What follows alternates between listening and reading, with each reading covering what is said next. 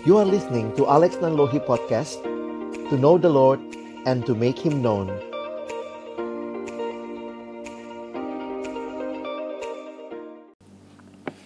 Baik teman-teman, mari kita bersatu di dalam doa. Biarlah ya Tuhan seperti pujian yang kami dengarkan, Engkau menjadi pusat dalam hidup kami, pusat di dalam keseharian kami, secara khusus di tengah-tengah pergumulan yang kami alami karena virus COVID-19 ini Tuhan, yang membuat kami makin menyadari bahwa sebenarnya tidak ada hal lain yang sangat kami butuhkan selain kehadiran-Mu yang boleh memberikan keteduhan, ketenangan bagi kami. Kembali kami bersyukur hari ini kami boleh belajar kebenaran firman-Mu. Mari Tuhan, waktu kami membuka firman-Mu, bukalah juga hati kami. Jadikanlah hati kami seperti tanah yang baik. Supaya ketika benih firman Tuhan ditaburkan boleh sungguh-sungguh berakar, bertumbuh, dan juga berbuah nyata di dalam hidup kami.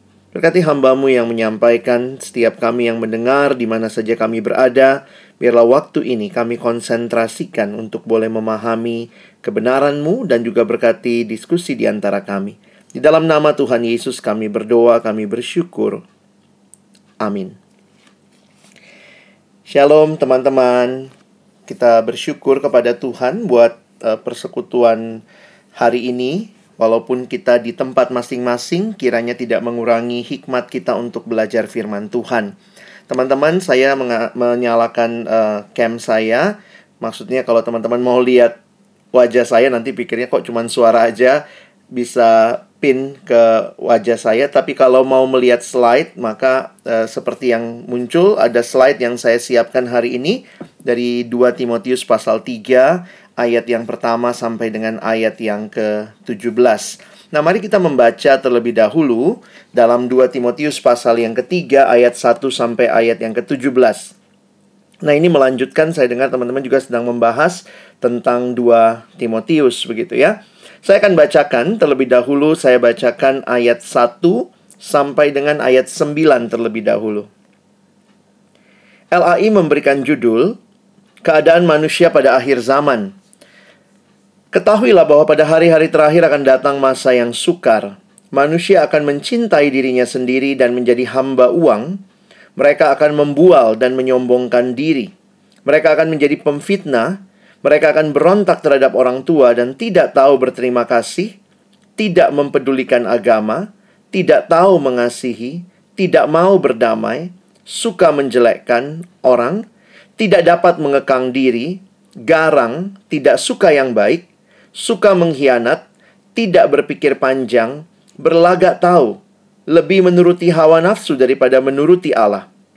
Secara lahiriah, mereka menjalankan ibadah mereka, tetapi pada hakikatnya mereka memungkiri kekuatannya, jauhilah mereka itu.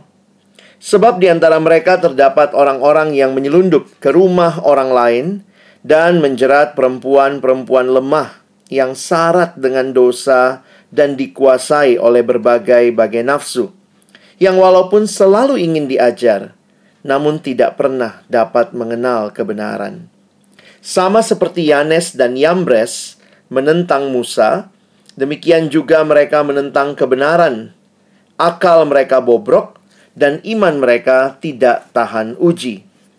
Tetapi sudah pasti mereka tidak akan lebih maju karena seperti dalam hal Yanes dan Yambres, kebodohan mereka pun akan nyata bagi semua orang. Nah, teman-teman yang dikasihi Tuhan, kalau mengingat kitab 2 Timotius, kita tentunya mengingat bahwa ini kitab yang dituliskan Rasul Paulus kepada anak rohaninya Timotius. Pada waktu itu Timotius sedang berada di kota Efesus menggembalakan jemaat. Paulus meminta Timotius ada di Efesus. Dan pada waktu itu Timotius sendiri walaupun sudah berusia paling tidak 30 tahun, tetapi sebagai pemimpin dalam gereja pada waktu itu biasanya usia 30 tahun dianggap masih sangat muda. Biasanya yang memimpin gereja masa itu kira-kira umur 40 tahun, sehingga Timotius merasa dirinya nampaknya kalau kita membaca dalam surat 1 Timotius dan 2 Timotius ini, tentu ada rasa keminderan sebagai seorang yang dipercayakan Paulus memimpin di dalam jemaat Efesus. Karena itu kita bisa melihat bahwa Paulus mengirimkan surat ini untuk menyemangati Timotius, untuk memberikan dorongan kepada Timotius untuk terus bertekun di dalam Injil. Mari kita lihat sedikit latar belakang ya. Boleh kita lihat next. Jadi kalau teman-teman memperhatikan bahwa surat ini ditulis kira-kira tahun 64 Masehi dan waktu itu ada ancaman besar yang sedang melanda kekristenan di provinsi Asia yaitu provinsi Romawi yang meliputi bagian barat Asia Kecil atau sekarang Turki Barat dengan Efesus sebagai ibu kotanya. Nah, apa saja ancaman yang muncul? Ada dua macam ancaman yang teman-teman bisa perhatikan. Next. Yang pertama adalah ancaman dari luar. Ancaman dari luar berupa penganiayaan oleh pihak-pihak yang memiliki kebencian terhadap Tuhan Yesus dan para pengikutnya. Jadi, kalau teman-teman perhatikan, ada ancaman dari luar dari pihak-pihak yang benci kepada orang Kristen, namun dari dalam sendiri juga ada ancaman, yaitu ajaran-ajaran sesat yang merusak iman orang percaya. Jadi bisa kita bayangkan tantangan gereja di masa itu yang sedang digembalakan Timotius, ada tantangan dari luar, tapi juga ada tantangan dari dalam. Nah, Paulus menuliskan surat ini untuk memberikan penguatan kepada Timotius. Nah, kita lihat sebentar next. Jadi pada waktu tahun 64 Masehi itu, ini menjelang akhir pemerintahan Kaisar Nero, Paulus ditangkap dan harus menjadi penghuni penjara di kota Roma. Nah, dari penjara Roma inilah Paulus menuliskan surat ini. Nah, kita sudah melihat tentunya kalau teman-teman membaca seluruh bagian 2 Timotius, saya meminjam outline yang dibuat oleh John Stott. Next. Teman-teman bisa lihat, setiap pasal ada empat pasal di dalam bagian ini. Yang pertama, perintah untuk memelihara Injil. Yang kedua, perintah untuk menderita demi Injil. Yang ketiga, perintah untuk bertekun dalam Injil. Dan inilah pasal yang kita bahas hari ini. Dan pasal yang keempat nanti perintah untuk memberitakan Injil. Nah, teman-teman bisa lihat setiap pasal punya ayat-ayat kunci yang saya coba highlight ya. Next, kita lihat di pasal 1 itu ayat kuncinya teman-teman bisa lihat misalnya di ayat 14. Next, pasal 2 ada beberapa ayat yang saya tulis di situ. Bagaimana Timotius dipanggil untuk menderita demi Injil. Next, pasal 3. Ini bagian kita hari ini yaitu ayat 13 14 walaupun nanti saya juga akan bahas ayat-ayat yang lain. Dan next nanti kalau teman-teman membaca pasal 4 kalian bisa melihat perintah untuk memberitakan Injil. Jadi mari kita mulai melihat 2 Timotius 3 next ya. Kita lihat ayat 1 sampai 17 saya baru ajak teman-teman membaca sampai ayat 9. Saya membagi outline-nya seperti Lembaga Alkitab Indonesia ke dalam dua perikop. Next. Teman-teman bisa lihat yang pertama adalah kondisi zaman. Kondisi zaman yang kita baca tadi, kondisi zaman kapan itu? Tentunya waktu Timotius juga melayani pada masa itu di Efesus dan yang bagian kedua nanti kita akan baca ayat 10 sampai ayat 17, kita akan melihat apa yang dibutuhkan Timotius untuk boleh bertahan kalau kalian pakai istilah hari ini persevering gitu ya, bertahan di tengah-tengah kondisi zaman yang tidak mudah. Nah, mari kita lihat sama-sama dengan yang pertama. Next. Saya beri judul ini adalah kondisi zaman atau kondisi manusia akhir zaman. Next kita lihat ayat 1. Paulus mengatakan kepada Timotius, "Ketahuilah bahwa pada hari-hari terakhir akan datang masa yang sukar. Nah, teman-teman coba perhatikan sebentar. Next. Ada tiga hal yang disampaikan. Ketahuilah, pada hari-hari terakhir, last days, akan datang masa yang sukar. Di dalam bahasa Yunani, dipakai istilah kalepos. Nah, teman-teman, di dalam Alkitab, ada dua istilah yang menarik kalau kalian perhatikan. Yang pertama adalah last day, dan yang kedua adalah last days. Beda ya. Yang pertama, last day itu singular. Yang kedua adalah last days. Nah, nanti kalau kalian membaca Alkitab, perhatikan kalau Alkitab bicara last day yang singular, maka itu bicara the final day. Kalau bicara apa bahasa kita kiamatnya begitu ya. The final day atau bahasa Alkitab adalah parousia, kedatangan Kristus kedua kali. Nah, tetapi ada kalanya Alkitab bicara last days, hari-hari terakhir itu bicara sebuah periode dari Yesus datang pertama kali 2000 tahun yang lalu sampai nanti dia datang kedua kali. Nah, jadi kalau kita perhatikan ini bicara last days. Ayat ini bukan bicara the final day. Tapi ayat ini bicara the last days. Jadi sebuah waktu periode dari Yesus datang pertama kali sampai dia datang kedua kali. Atau mungkin saya tanya begini. Paulus hidupnya di mana? Last days. Timotius? Last days juga. Bagaimana dengan kita? Kita pun dalam last days. Jadi sebenarnya dengan cara melihat seperti ini, Paulus sedang menggambarkan kondisi akhir zaman yang sudah terjadi dari Yesus datang pertama kali sampai nanti dia datang kedua kali. Jadi ini bukan nubuat. Begitu cara kita nafsir Alkitab ya. Waktu Paulus mengatakan ketahuilah pada hari-hari terakhir last days, ini yang akan terjadi dalam last days, maka ini bukan nubuat tetapi sesuatu yang sudah ada di zaman Paulus dan mungkin kalau kita lihat di zaman kita sekarang pun semakin tinggi eskalasinya. Apa yang menarik, di last days ini akan datang masa yang sukar, terrible. Apanya yang terrible? Bukan climate change makin sulit, bukan sekadar wabah COVID yang makin sulit, bukan sekadar ekonomi yang makin sulit, tetapi Alkitab memberikan kepada kita satu kacamata melihat zaman yang sulit adalah next manusianya. Nah, ini yang jadi masalah. Kita tidak bicara sekadar ekonomi, kesehatan, global pandemic, but the Bible give us a lens through we can see the Bible really focus on human.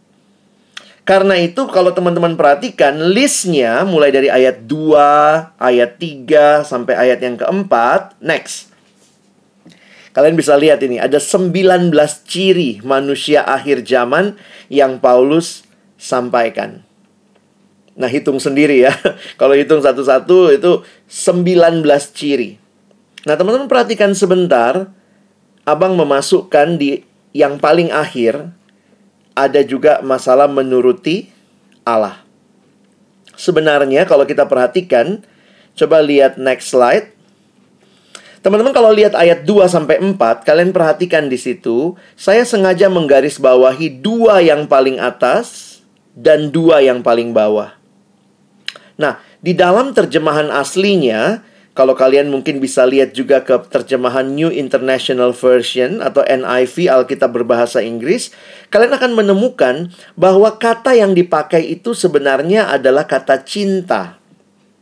Jadi sebenarnya katanya cinta ya. Sayangnya memang bahasa Indonesia menerjemahkannya berbeda-beda setiap bagian begitu ya. Jadi manusia akan mencintai dirinya sendiri, yang kedua yang saya garis bawahi akan mencintai uang, itu hamba uang mencintai uang.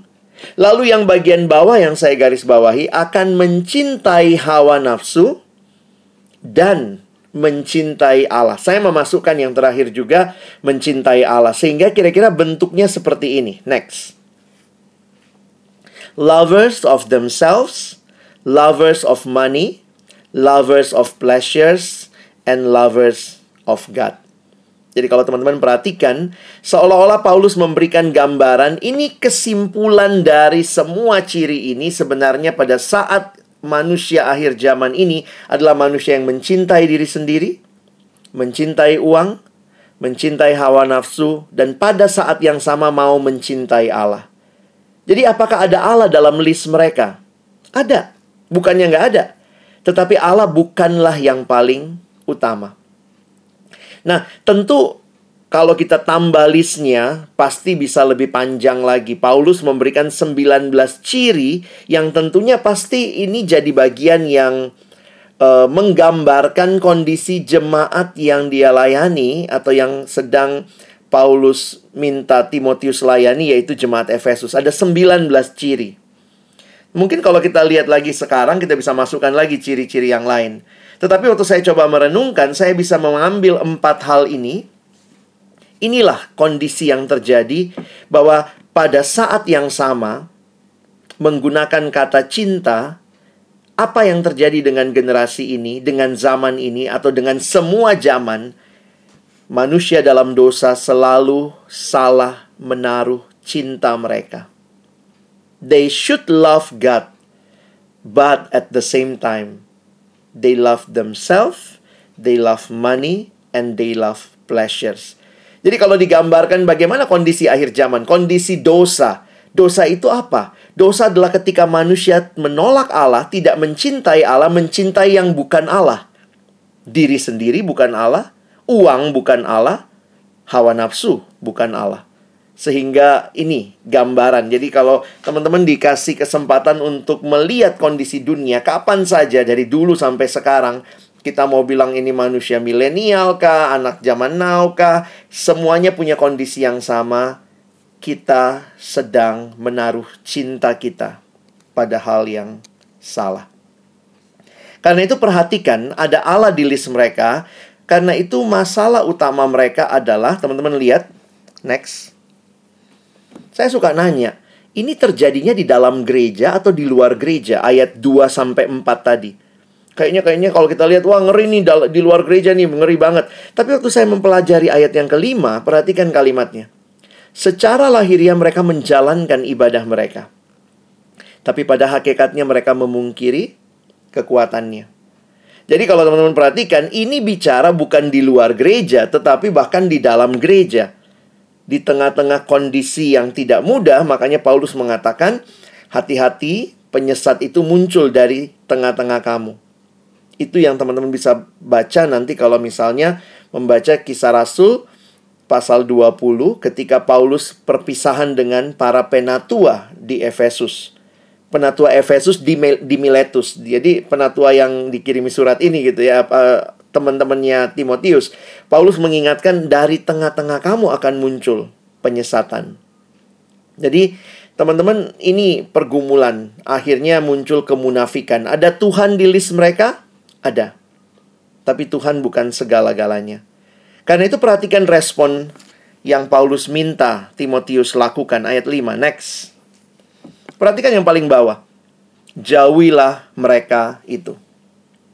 Ya kalau saya melihat nampaknya sih ayat ini bukan berarti Timotius disuruh tinggalkan Efesus, nggak usah ada di sana. No. Kata menjauhilah mereka itu tentunya jangan menjadi serupa dengan kelakuan mereka. Teman-teman kita ada dalam dunia yang sudah salah menaruh cinta. Dan kita pun mungkin juga sedang bergumul menaruh cinta kita pada Allah yang benar. Waktu dikatakan jauhilah mereka bukan berarti kita keluar dari dunia ini, kita naik ke gunung bertapa tunggu Yesus datang, tapi ketika engkau dan saya ada dalam dunia ini, how you can persevere? Bagaimana kamu bisa bertahan di tengah-tengah kondisi itu? Focus your eyes on God. Fokuskan kepada Allah.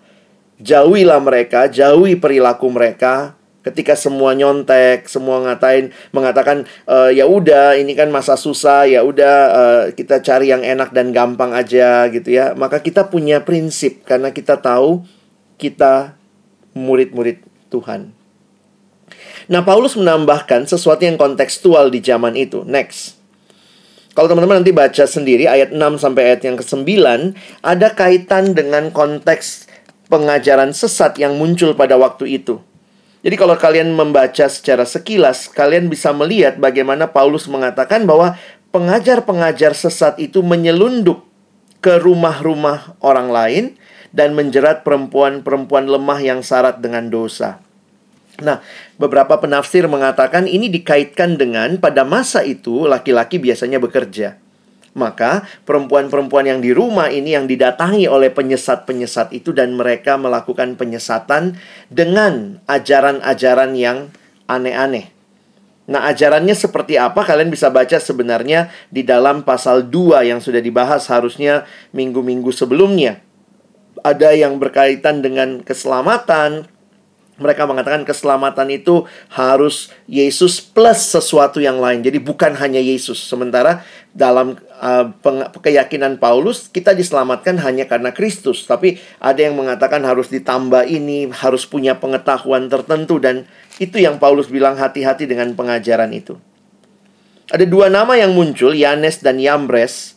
Ini dalam tradisi Yahudi dikaitkan dengan dua uh, pembantunya atau tukang sihirnya Firaun yang waktu itu melawan Musa begitu ya, yang tongkatnya pun bisa berubah jadi ular. Nah, jadi pertanyaan buat kita, next, boleh dikeluarkan dua pertanyaan saya tulis. Ini mungkin refleksi buat kita sekarang ya. Mengapa pengajaran palsu sangat menarik bagi banyak orang? Kalau dibilang cuman Yesus kayaknya aduh kurang menarik nih. Mesti Yesus plus ini, pakai ini. Jadi memang menarik untuk kita perhatikan selalu pengajaran palsu itu punya hal yang menarik yang biasanya tidak suka dengan hanya pengajaran yang lama. Jadi hati-hati uh, iman yang ortodoks itu ya no problem karena itu bicara esensi Kristus sebagai satu-satunya. Lalu lihat lagi bagaimana kita tahu bahwa pengajaran itu sesat atau palsu. Ini beberapa kali ada anak yang nanya sama saya, "Bang, gimana ya tahu pengajarannya ini benar apa tidak begitu ya?" Saya harus katakan bahwa kamu perlu bergaul sama kebenaran. Mau tahu yang sesat, ya tahu dulu yang benar begitu kira-kira gitu ya. Jadi jangan spend your time banyakkan belajar penyesat-penyesat enggak ya, tapi spend your time more in um, learning the truth. Saya ingat ada satu ilustrasi yang mengatakan begini ya, bahwa agen-agen uh, rahasia Amerika misalnya CIA begitu ya, mereka tuh ada training untuk mengenali uang asli dan uang palsu. Nah, bagaimana trainingnya dilakukan? Sederhana. Trainingnya dilakukan dengan setiap hari mereka masuk, dikasih waktu satu jam begitu ya, pegang uang yang asli. Mereka pegang, mereka terawang mungkin, mereka udah biasa nih sama uang yang asli. Bayangkan selama tiga bulan setiap hari masuk dikasih uang yang asli mereka pegang, mereka tahu tipisnya, berapa tebalnya, mungkin gitu ya. Mereka pokoknya tiap hari dikasih uang yang asli. Sampai setelah tiga bulan itu dalam training, mereka disisipkan beberapa uang palsu. Nah yang menarik adalah mereka begitu hanya megang langsung bisa tahu ini ini palsu. Kenapa? Karena mereka sudah sangat terbiasa dengan yang asli. Nah, saya pikir kita jangan spend waktu kita untuk belajar yang palsu begitu ya, tapi mari belajar yang benar sehingga ketika kepalsuan-kepalsuan itu datang kita bisa mengatasinya atau kita langsung tahu alarm kita langsung bunyi.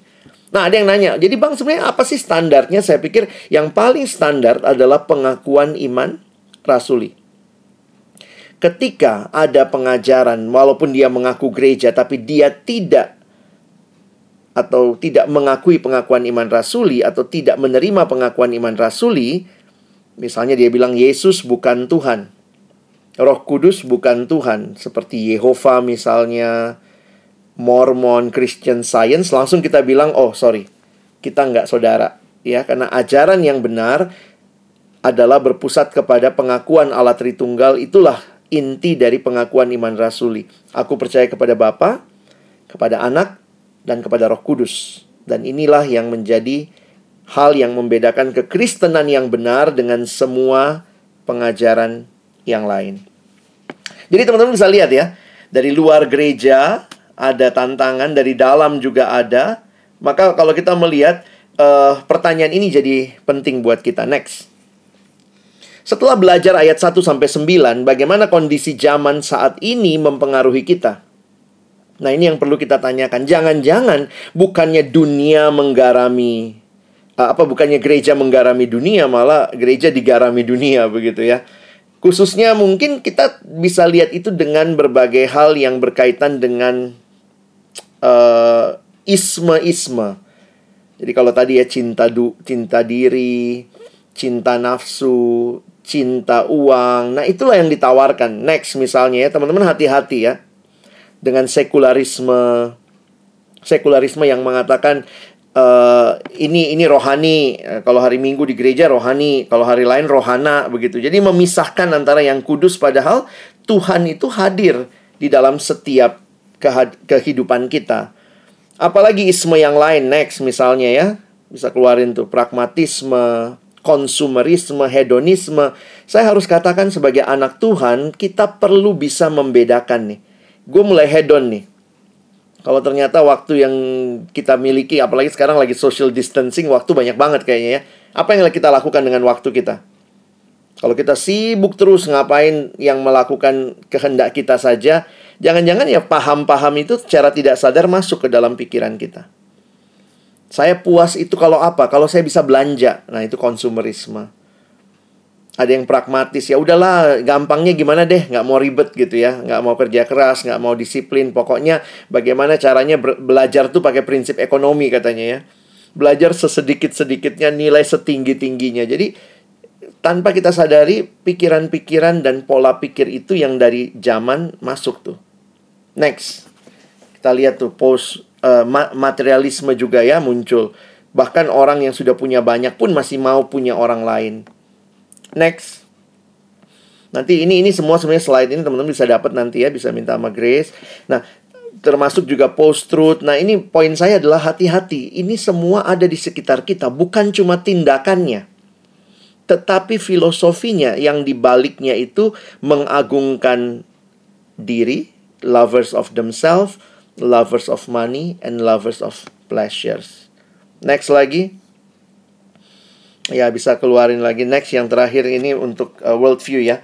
Nah, teman-teman, ini sebenarnya kalau kalian bisa lihat, nanti kalian bisa lihat world view. Ini cara kita tahu nih, orang ini sebenarnya pegangnya yang mana begitu dia bilang ah nggak ada Tuhan, oh dia agnostik misalnya atau dia ateis. Nah ini ini uh, diagram ini menolong kita untuk melihat what is your worldview. Oke, okay? Jadi pertanyaannya kita mesti bagaimana? Kita mesti taruh cinta kita kepada yang mana? Next, saya pikir ini panggilan kita. Kita jadi murid. Siapakah murid? Orang yang menuruti Allah, lovers of God, pecinta Allah. Dan apa buktinya kita mencintai Allah? Next. Apa buktinya kita mencintai Allah? Lihat ayat ini next. Yohanes pasal 14 ayat 15 saya kali uh, kaitkan kalimatnya begini saya bacakan. Jangan jikalau kamu mengasihi aku kamu akan menuruti segala perintahku. Jadi mengasihi Tuhan, lovers of God, maka orang itu akan taat kepada perintah Tuhan.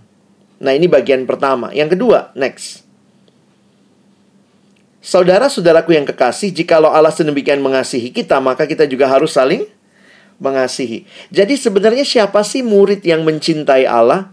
Di satu sisi dia taat kepada Allah, di satu sisi dia hidup dalam kasih kepada sesama. Makanya Yesus sendiri mengatakan dua hukum ini penting. Kasihi Tuhan Allahmu, kasihi sesamamu manusia. Next. Jadi teman-teman bisa lihat ya. Uh, dunia begitu kacau, begitu hancur, kita butuh jadi seperti apa? Jadi pecinta-pecinta Allah. Waktu kita hidup dalam dunia yang salah menaruh cintanya, taruhlah cintamu kepada Allah sebagai pecinta Allah. Apa artinya menjadi pecinta Allah? Itu berarti jadi murid yang pertama-tama. Karena dia mencintai Allah, dia taat kepada Allah. Dan yang kedua, karena dia mencintai Allah, lahir dalam relasi kasih kepada sesama.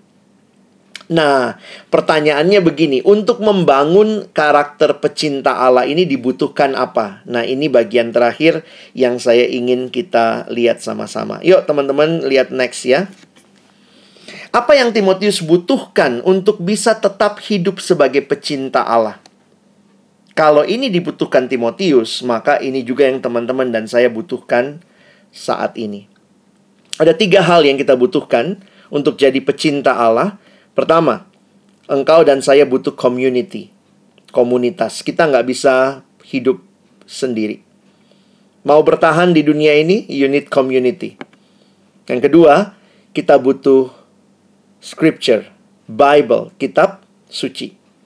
Dan yang ketiga, kita butuh tetap berpegang pada identitas kita ya. Nah, teman-teman bisa lihat ini sebenarnya menarik sekali nanti kalau kalian perhatikan ayat 10 ayat 14 itu dimulai dengan kata ini. Next. Jadi sambil Alkitabmu dibuka lihat ya. ayat 10 dan ayat 14 sebenarnya kalimatnya adalah tetapi engkau, but you. Memang menarik ayat 14 eh, eh, Lembaga Alkitab Indonesia menerjemahkan tetapi hendaklah engkau. Tapi sama tuh ya. Bahasa aslinya bahasa Yunani but you. Tetapi engkau. Jadi ini seolah-olah Paulus lagi mau bilang sama Timotius ya. Tadi dia udah paparkan kondisi manusia akhir zaman. Dia udah paparkan bagaimana mengerikannya. Tapi tiba-tiba Paulus mengatakan, "Tetapi engkau, Timotius, you are different." John Stott menggambarkan seolah-olah dari dalam teks itu telunjuk Rasul Paulus menunjuk kepada Timotius, "Engkau berbeda, but you are different." Nah, apa yang menarik untuk kita perhatikan? Yang pertama, next. Bagaimana bertahan? Pentingnya komunitas.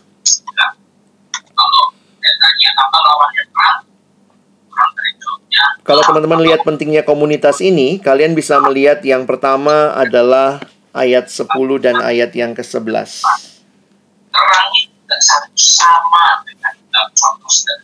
Jonathan, boleh di-mute sebentar mic-nya?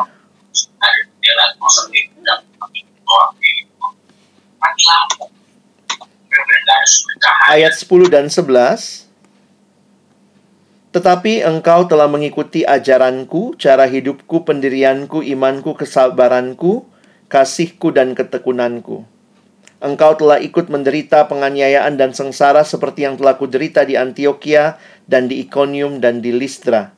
Semua penganiayaan itu kuderita dan Tuhan telah melepaskan aku daripadanya. Perhatikan sebentar apa yang Paulus sampaikan.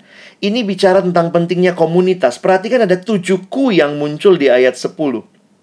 Ajaranku, cara hidupku, pendirianku, imanku, kesabaranku, kasihku, dan ketekunanku. Nah teman-teman bagaimana ini tercipta? Saya pikir karena ada relasi yang dalam.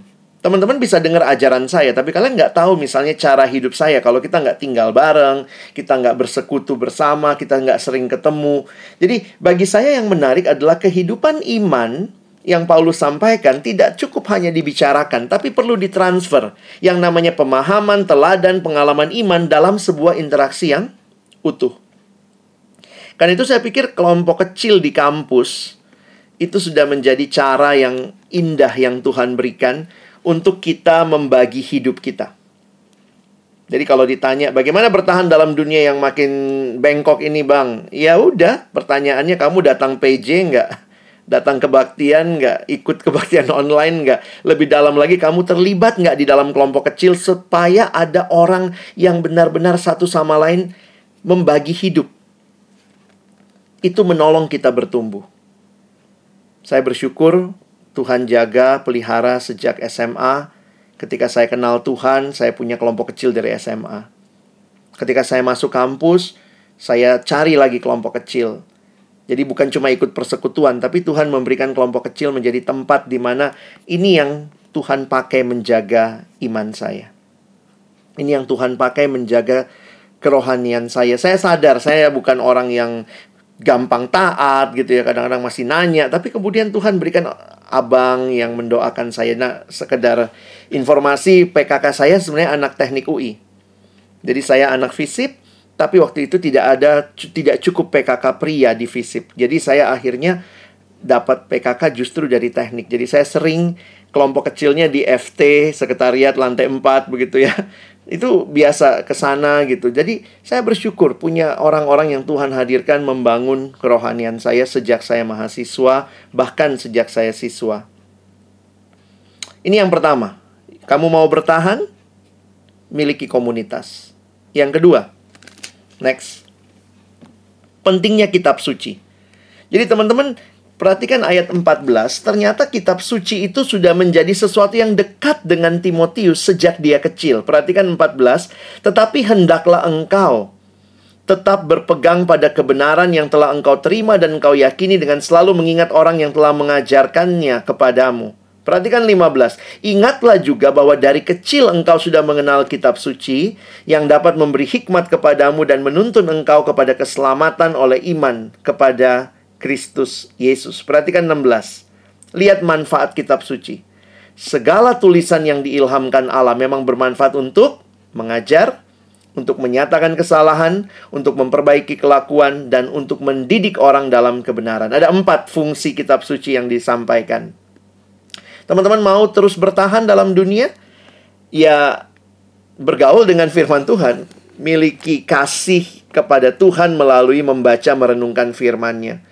Saya pikir hal-hal dasar diingetin lagi ya, doa, saat teduh, Bible reading, baca Alkitab, dengar khotbah. Ini menolong kita bertumbuh. Kenapa? Karena firman Tuhan itulah yang akan memberikan kita uh, mengajar, menyatakan kesalahan, memperbaiki kelakuan, dan mendidik orang dalam kebenaran.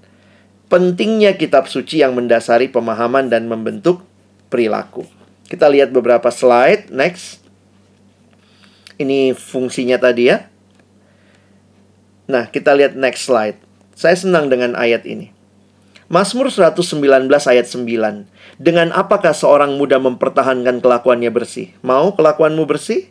Jaga sesuai dengan firmanmu. Firman itu jadi patokan buat hidup kita. Next, ini kalimat dari D.L. Moody. The Bible will keep you from sin or sin will keep you from the Bible. Jadi ini menarik untuk kita ingat sama-sama ya. Next. Next lagi, langsung ke bahasa Indonesia-nya ya. Membaca Alkitab tidak dimaksudkan untuk sekadar menambah pengetahuan. Kita nggak mau jadi farisi, tetapi untuk mengubah kehidupan. Saya kutip kalimat John Stott next. We must we, we must allow the word of God to confront us. Kita mesti siap firman Tuhan mengkonfrontasi hidup kita to disturb our security, to undermine our complacency and to overthrow our pattern of thought and behavior. Kalau kamu bergaul dengan firman Tuhan, maka biarlah itu semakin mengubah hidupmu. Terakhir, next. Kalau tadi kita sudah lihat pentingnya punya komunitas, pentingnya firman Tuhan, maka yang terakhir adalah pentingnya menyadari identitas kita. Teman-teman, orang yang paling ngeri itu kalau dia nggak tahu identitasnya siapa. Makanya sering kali lihat orang kalau jatuh, hilang ingatan gitu ya. Kayaknya lebay banget gitu. Harusnya kamu tahu dong kamu siapa.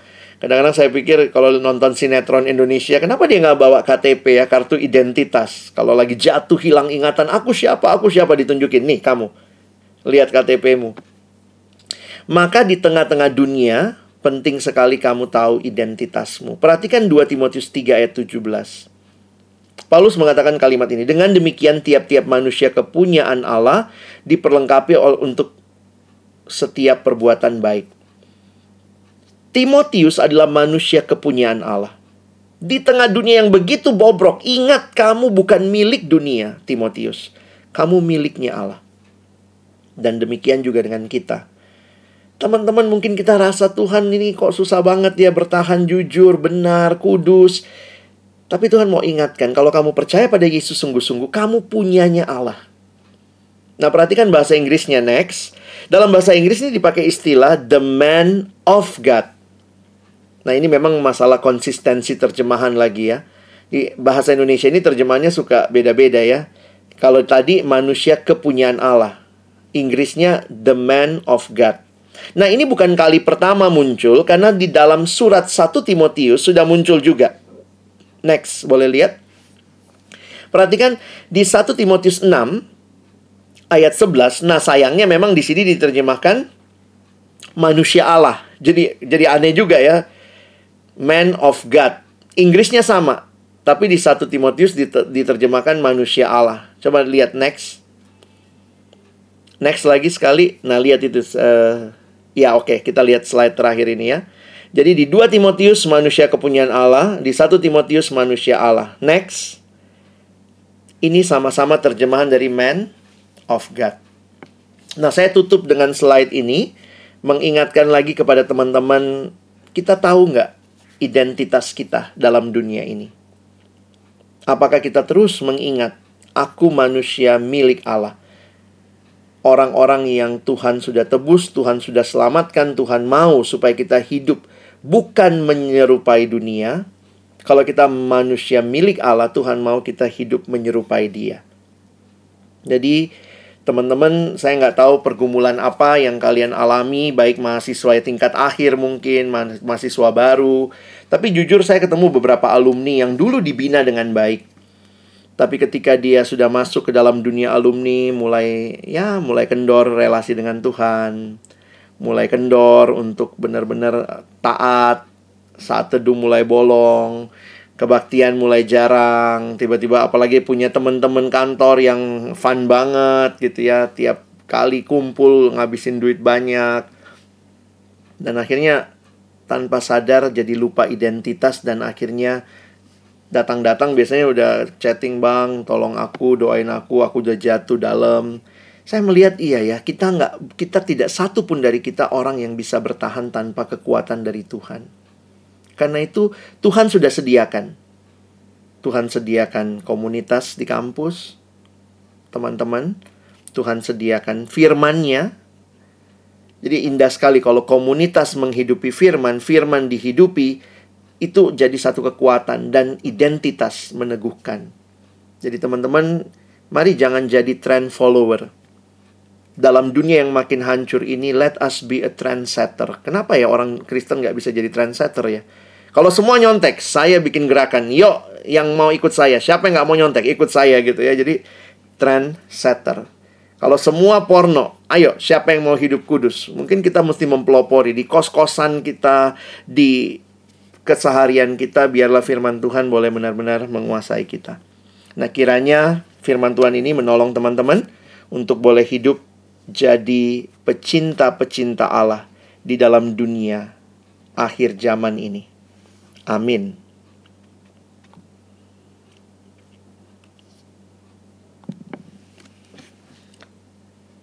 Saya persilakan kepada teman-teman, mungkin jika ada yang ingin bertanya, boleh bertanya, baik langsung ataupun mungkin tulis di grup chat. Dalam waktu yang tersisa, nanti Grace bisa kasih tahu aja berapa waktu yang kita miliki sebelum nanti saya tutup dalam doa sebagai respon firman Tuhan.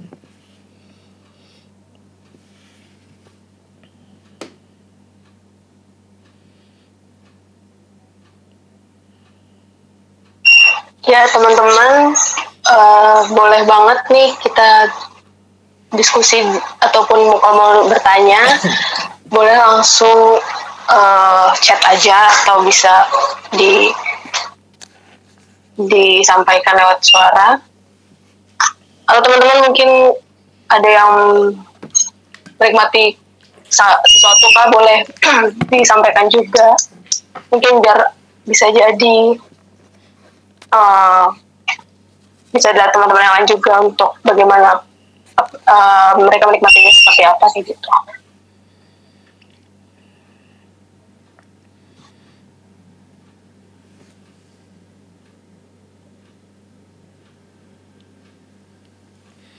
Atau bisa mulai dari Grace dulu? Tadi mungkin apa yang diingatkan buat Grace? Hmm, kalau tadi dicatat ini uh, pasti soal uh, belum pasti tapi menjadi suatu hal yang rutin selalu kita ingat bagaimana hari kita bisa melakukan apa yang Tuhan maupun dengan cinta Tuhan, cinta perintah-perintahnya. Dan ini bisa dilakukan di banyak hal lewat komunitas, lewat pembacaan firman dan sebagainya. Uh, mungkin di tengah situasi yang sekarang, akhirnya pun menganggap um, uh, komunitas atau pembacaan firman itu menjadi sulit bahkan eh uh, sulit dan ketika mau melakukan melakukannya jauh lebih sulit lagi kan. Um, lebih tertegun sih bagaimana kita pun uh, ketika kita mau minta kekuatan dari Allah untuk area kita mau benar-benar diubahkan mau benar-benar mengikuti apa perintah-perintahnya sebagai identitas kita yaitu anak-anak Allah uh, itu juga yang harus menjadi kekuatan kekuatan dari kita gitu sih. Mungkin untuk pertanyaannya kalau dari aku kemarin juga sempat ditanyakan oleh teman-teman yang lain waktu pas ber-PA tentang ayat ini. Ini kan konteksnya bang tentang uh, pelayan uh, Timotius sebagai pelayan yang mungkin akan ditinggalkan oleh Paulus. Karena ini juga surat terakhir Paulus.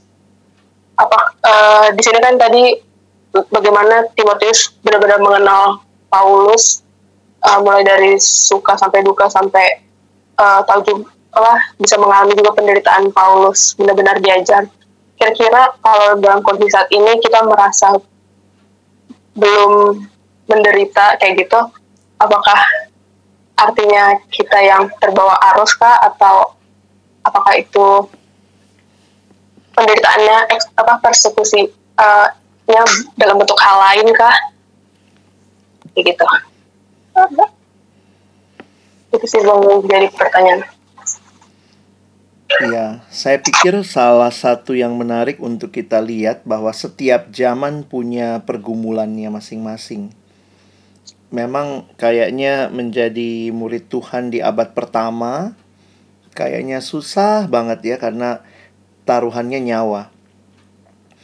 Dan itu yang mereka harus siap untuk menghadapi misalnya harus diadu dengan para hewan buas dan yang lain-lain. Nah, bagiku persekusi setiap zaman itu berbeda. Tapi tetap ada. Dan mungkin ya bagi saya begini, uh, kita mungkin tantangannya bukan tantangan diancam, dianiaya, di penjara kita masih lebih bebas lah bisa ibadah. Tapi mungkin tantangan kita adalah belajar meninggalkan kenyamanan misalnya. Jadi penyangkalan diri terhadap apa yang kita rasa kita pengen tapi tahu bahwa Tuhan tidak mau hal itu maka saya pikir kalau dulu kita mungkin uh, harus siap mati demi Yesus. Sekarang kita siap tidak nyontek demi Yesus. Kita siap nggak porno demi Yesus gitu. Jadi itu akan jauh lebih berbicara bagi dunia ini persekusi yang kita alami dibanding uh, kita cari-cari penderitaan. Saya pikir juga jangan jangan jadi orang bodoh dengan cari-cari penderitaan, tapi mari belajar penderitaan meninggalkan kenyamanan itu satu hal yang sulit begitu ya. Nah, itu yang saya pikir perlu bisa kita aplikasikan dalam konteks yang luas. Baik, terima kasih Alex atas penjelasannya. Teman-teman boleh. Oh, ada pertanyaan nih dari Cornell. Menurut Bang Alex, manakah yang lebih dahulu mencintai Tuhan lalu bisa menjalani perintahnya atau menjalani perintahnya supaya bisa mencintai Tuhan? Karena sering kali tahu yang benar tapi belum tentu melakukannya. Um, pertanyaannya mirip kayak telur ayam ya. Mana duluan telur atau ayam? Jadi kalau saya ngelihatnya Cornelius saya jawab teologisnya begini. Uh, tidak ada satupun dari kita yang bisa mencintai Tuhan lebih dulu. Karena itu dalam 1 Yohanes pasal 4, saya bacain ya. 1 Yohanes pasal 4 ayat 10. Jadi kalau kita bisa perhatikan 1 Yohanes 4 ayat 10 saya bacakan. Inilah kasih itu bukan kita yang telah mengasihi Allah tapi Allah yang telah mengasihi kita dan yang telah mengutus anaknya sebagai pendamaian bagi dosa-dosa kita. Kita hanya bisa mengasihi Allah pertama dan terutama karena Dia yang telah terlebih dahulu mengasihi kita.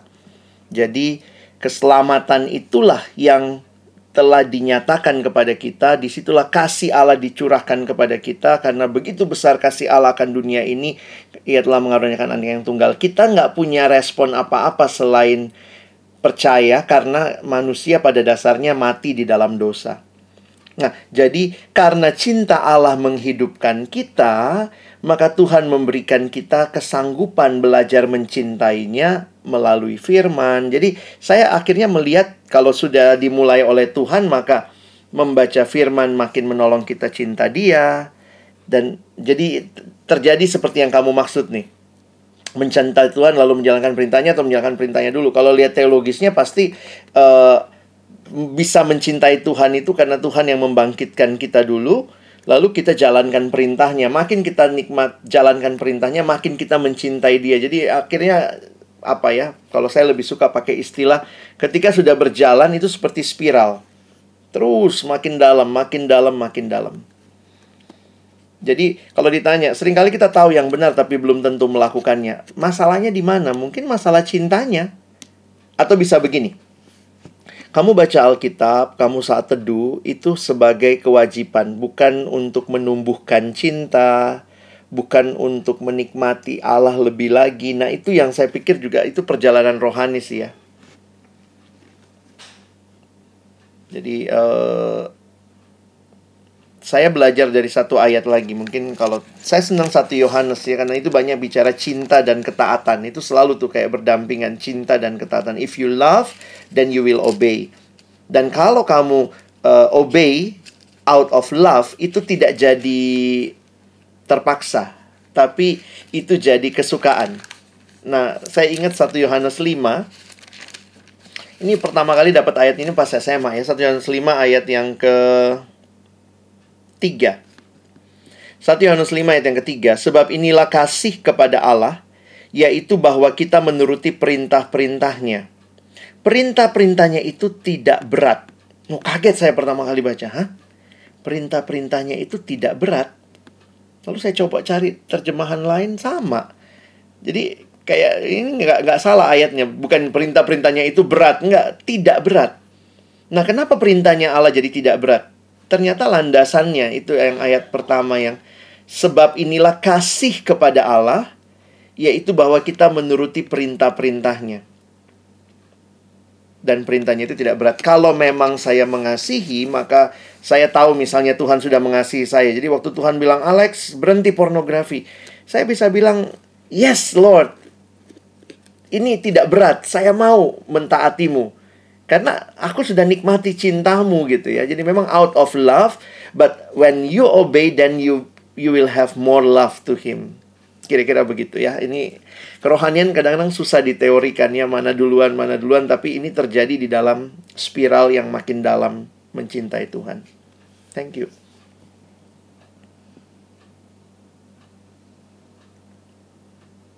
Mungkin ada yang lain?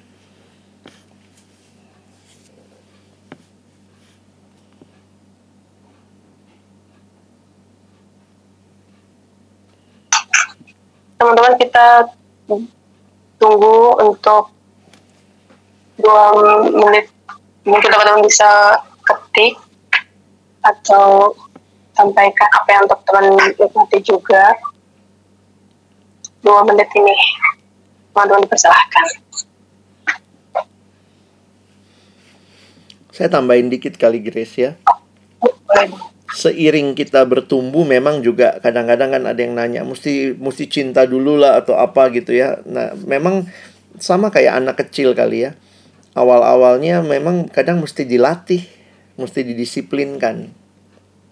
Bisa begitu juga sih. Dalam arti begini, jadi misalnya kalau anak kecil disuruh milih coklat atau nasi, ya mungkin anak anak yang normal ya. Pengennya coklat ah coklat nggak mau makan nasi. Tapi orang tua yang tahu bahwa dia butuh nasi akan maksa tuh tanda kutip mendisiplinkan. Nah tapi kalau misalnya dia sudah umur 17 tahun 18 tahun sudah kuliah masih nggak ngerti bedanya nasi sama coklat berarti kan dia nggak bertumbuh. Jadi kadang-kadang saya ngeliat gini waktu kita masih bayi secara rohani kadang-kadang disiplin itu jadi satu hal yang harus diterapkan. Jadi jangan bicara out of love dulu. Tapi oke okay, Mungkin PKK bilang, pokoknya mesti saat teduh. Catat saat teduhnya, mungkin gitu kali ya. Tapi ketika kita makin bertumbuh, kita mulai melihat. Makanya itu bedanya antara disiplin rohani dengan kewajiban rohani. Kekristenan mengenal disiplin rohani. Disiplin itu karena kesadaran dari dalam. Kewajiban itu karena tekanan paksaan dari luar. Nah, somehow kadang-kadang dalam awal kerohanian itu bisa jadi terjadi kewajiban rohani. Harus saat teduh, harus doa. Kayak di rumah lah, bangun tidur, ayo doa dulu, baru mandi misalnya. Tapi ketika itu sudah jadi habit lama-lama, kemudian out of love makin sadar iya ya saya yang butuh Tuhan kok gitu. Jadi disiplin muncul ketika kita makin menghayati saya yang butuh. Nah, kira-kira begitu. Nah, semoga teman-teman ngalamin ya. Mungkin yang anak baru, kok PKK saya nanya satu du, satu du. Ya ampun, kok satu du mulu. Tapi itu caranya dia mengasihimu supaya kamu bertumbuh dan belajar mengasihi Tuhan.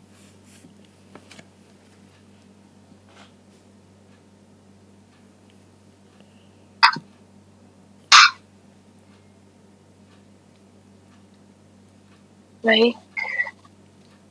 Um, teman-teman apakah ada yang ingin bertanya lagi? Oh, ada dari Bang Ben. Shalom Bang, izin bertanya, bagaimana kalau ternyata ada kasus bahwa komunitasnya lah yang salah dan justru membuat orang justru enggan atau apatis ikut komunitas lagi? Ya Ben, thank you pertanyaannya. Mungkin kalau digali lagi sebenarnya mesti ditanya juga ya, komunitasnya salahnya apa begitu. Karena saya melihat juga begini, memang komunitas tidak ada yang sempurna.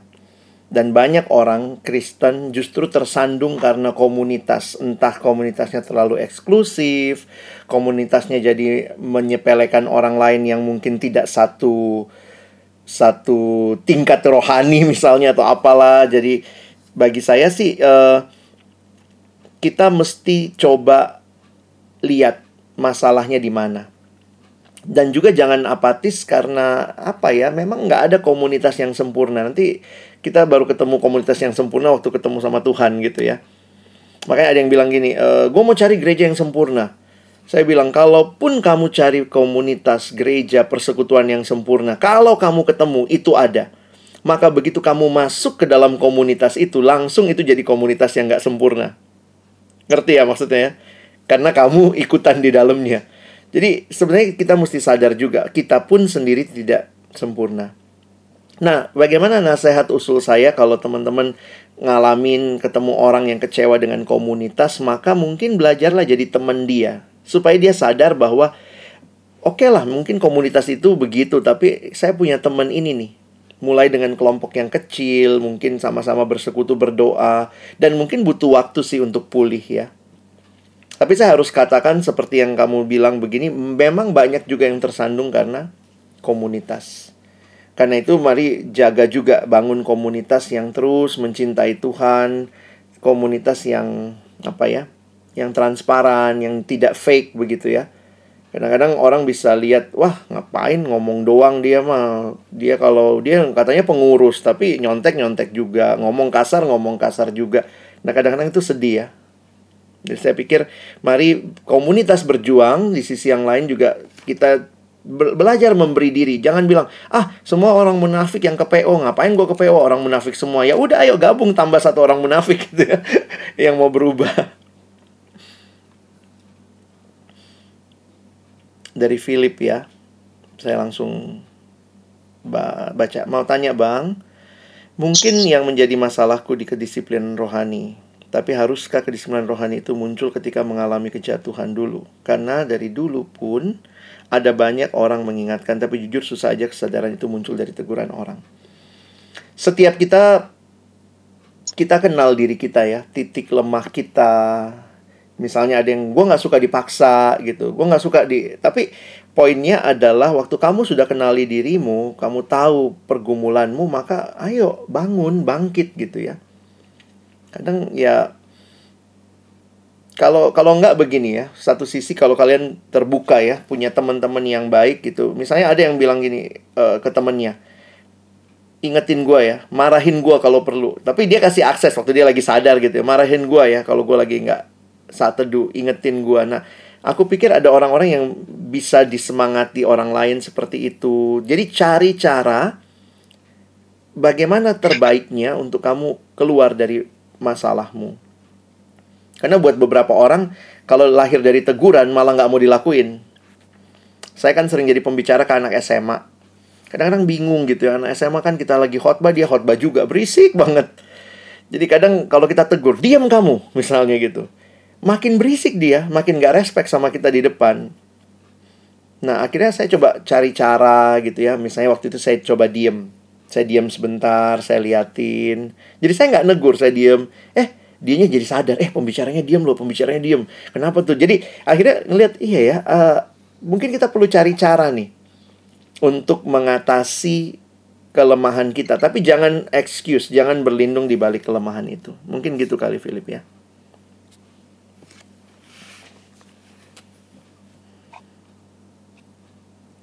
Oke. Adakah untuk uh, pertanyaan terakhir sebelum kita menutupi diskusi hari ini? Satu penanya.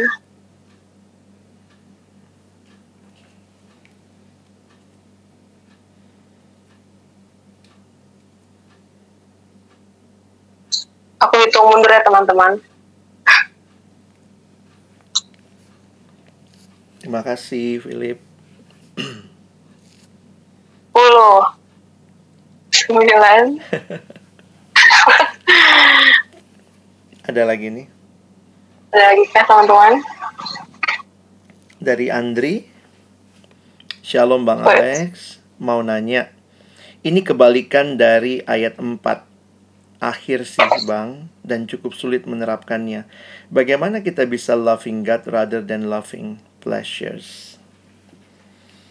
Saya ngelihatnya gini kali Philip ya. Eh, Sophie Philip Andri ya. Em, jadi gini, pertama dulu nih kita mesti clear konsepnya bahwa sebenarnya nafsu itu baik. Dengar kalimat saya ya, nafsu itu baik, nafsu itu asalnya dari Tuhan. Yang di Alkitab tidak boleh adalah hawa nafsu. Inggris menerjemahkannya pleasure. Atau kalau berkaitan sama seks dikaitin sama lust. Jadi poinnya adalah begini. Em, semua yang yang yang baik itu sebenarnya Tuhan yang kasih. Jadi saya kasih kalimat begini kali ya. Pertama, yang namanya diri kita baik nggak? Baik, diri kita tuh baik karena siapa? Tuhan yang ciptakan kita. Uang baik nggak? Uang baik. Yang salah di Alkitab adalah cinta uang. Diri kita baik, tapi yang salah adalah cinta diri. Nafsu itu baik. Yang salah adalah cinta hawa nafsu atau men- menjadikan nafsu segala-galanya. Nah, yang menarik ini semua diciptakan sama Tuhan. Makanya ada yang bilang begini. Apa sih musuhnya Tuhan yang paling besar? Yang menjadi musuh Tuhan paling besar adalah berkatnya sendiri. He created it. Uh, Tuhan ciptakan, tapi kemudian orang lebih suka sama hal itu ketimbang sama Tuhan yang menciptakannya. Nah, jadi karena itu hati-hati dengan nafsu. Karena nafsu itu baik, Tuhan yang cipta dan kita butuh nafsu. Perhatikan, kita butuh nafsu. Saya ingat ada satu anak pernah setelah saya ngisi retret kampusnya waktu zaman ya mungkin 10-15 tahun lalu terus kemudian dia kirim email. Kak Alex terima kasih udah mimpin retret segala macam terus dia bilang thank you dapat berkat. Nah, dia nanya tuh di email. Dia laki-laki dia bilang, "Bang, boleh tanya dong, kenapa ya saya kalau lihat perempuan pakai baju yang seksi-seksi kok saya terangsang. Nah dia tanya begitu tuh di email. Nah saya balas tuh ke dia. "Eh, oh gitu ya dek. Puji Tuhan kamu normal. saya balasnya gitu ya. Mungkin eh, dia kaget juga kali. Tapi kemudian saya lanjutkan emailnya. Yang masalah adalah waktu kamu terangsang apa yang kau lakukan. Kalau waktu kamu terangsang, kamu terus pelototin wanita itu, perempuan itu, kamu terus renungkan, saat teduhin lagi, jatuh kamu dalam dosa.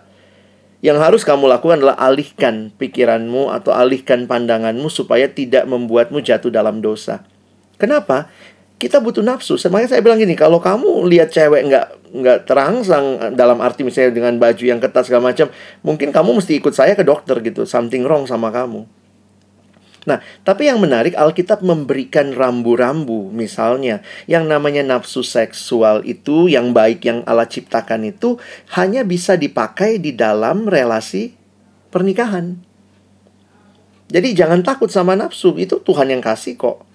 Sayangnya adalah banyak orang memakainya di luar relasi pernikahan hanya untuk kesendirian begitu dan segala macam.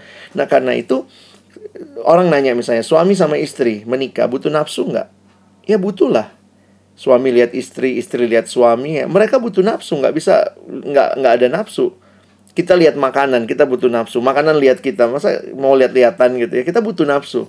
Nah, tapi bagaimana menaruhnya dalam perspektif yang benar dan tidak jadi hawa nafsu yang sekadar dipuaskan. Nah, jadi ini tantangan nih buat teman-teman nih. Bagaimana supaya nafsu itu tidak apa ya kalau mungkin bahasanya uh, rather than God, loving the pleasure rather than God, then you you need to love God more. Sederhana sih sebenarnya, walaupun itu susah banget gitu. Karena ya sadar Tuhan nafsu ini nggak bisa muasin saya nih. Walaupun saya udah ikutin semua maunya, makan sebanyak-banyaknya nggak bisa muasin saya. Hanya Engkau Tuhan yang bisa memuaskan saya. Makanya ada satu kalimat begini kali yang terakhir ya bilangnya gini. Cara terbaik untuk kita bisa tidak selingkuh rohani. Gimana? Selingkuh rohani itu kan harusnya kita cintanya sama Tuhan. Eh, kita cinta sama yang bukan Tuhan. Kita cinta sama berkat Tuhan, kita cinta sama nafsu kita, kita cinta sama diri kita, kita cinta sama uang. Jadi bagaimana supaya tidak terjadi perselingkuhan rohani? Ada yang bilang gini, samalah kayak perselingkuhan di dunia ya. Gimana caranya supaya kamu nggak makin cinta istri orang lain? Ya cintai istrimu lebih lagi, makanya belajar jatuh cinta pada wanita yang sama setiap hari. Nah, ini ini perlu nih belajar untuk terus cinta Tuhan, terus cinta Tuhan dan itu memang harus dibangun ya. Cinta itu harus dibangun. Baca firman supaya makin cinta Tuhan, taat, belajar untuk uh, mengatakan tidak pada waktu yang belum belum saatnya jujur thank you Andrea karena ini buat beberapa teman yang work from home, study from home. Banyak yang kemudian dengan online ini akhirnya lagi buka tugas eh ke ketertarik buka pornografi ini. Kemarin udah banyak yang tanya sama saya kak gimana nih ya? Kok lagi begini? Bukan makin cinta Tuhan? Saya pikir ya makanya coba stok ya stok lah misalnya apa yang baik gitu ya Nah tadi tadi Grace bilang bisa dengerin podcast. Ya silakan kalau mau dengerin. Saya ada beberapa podcast teman-teman bisa denger. Bertumbuh lah jadi jangan jangan biarin jangan ya kalau kita terus nonton yang nggak kudus ya akan terus seperti itu. Tapi kira-kira gitu kali ya. Oh saya tutup dengan kalimatnya Martin Luther nih. Opung kita Martin Luther bilang begini kamu tidak bisa melarang burung terbang di atas kepalamu yang bisa kamu lakukan adalah melarangnya supaya nggak bikin sarang di kepalamu. Jadi teman-teman nggak sanggup mengontrol dunia ini dengan nafsunya, dengan segala macam. Tapi yang kamu sanggup kontrol adalah dirimu sendiri. Karena Tuhan sudah memberikan kemampuan. Roh Kudus diam di hati kita untuk menolong kita melakukan kehendak Allah. Makanya ini jadi kesempatan teman-teman ya. Saya pikir social distancing ini makin membuat kita back to the core apa sih intinya kebaktian? Oh, kebaktian itu persekutuan dengan Allah kok gitu ya. Dengan sesama juga butuh, tapi ternyata dalam situasi yang sulit pun dengan Allah yang paling utama. Apa sih intinya mencintai Tuhan? Ya bukan mencintai yang lain. Waktu yang lain kita nggak bisa dapatkan, ternyata ya Tuhan ada dan dialah segala-galanya. Oke, kiranya ini jadi berkat buat teman-teman.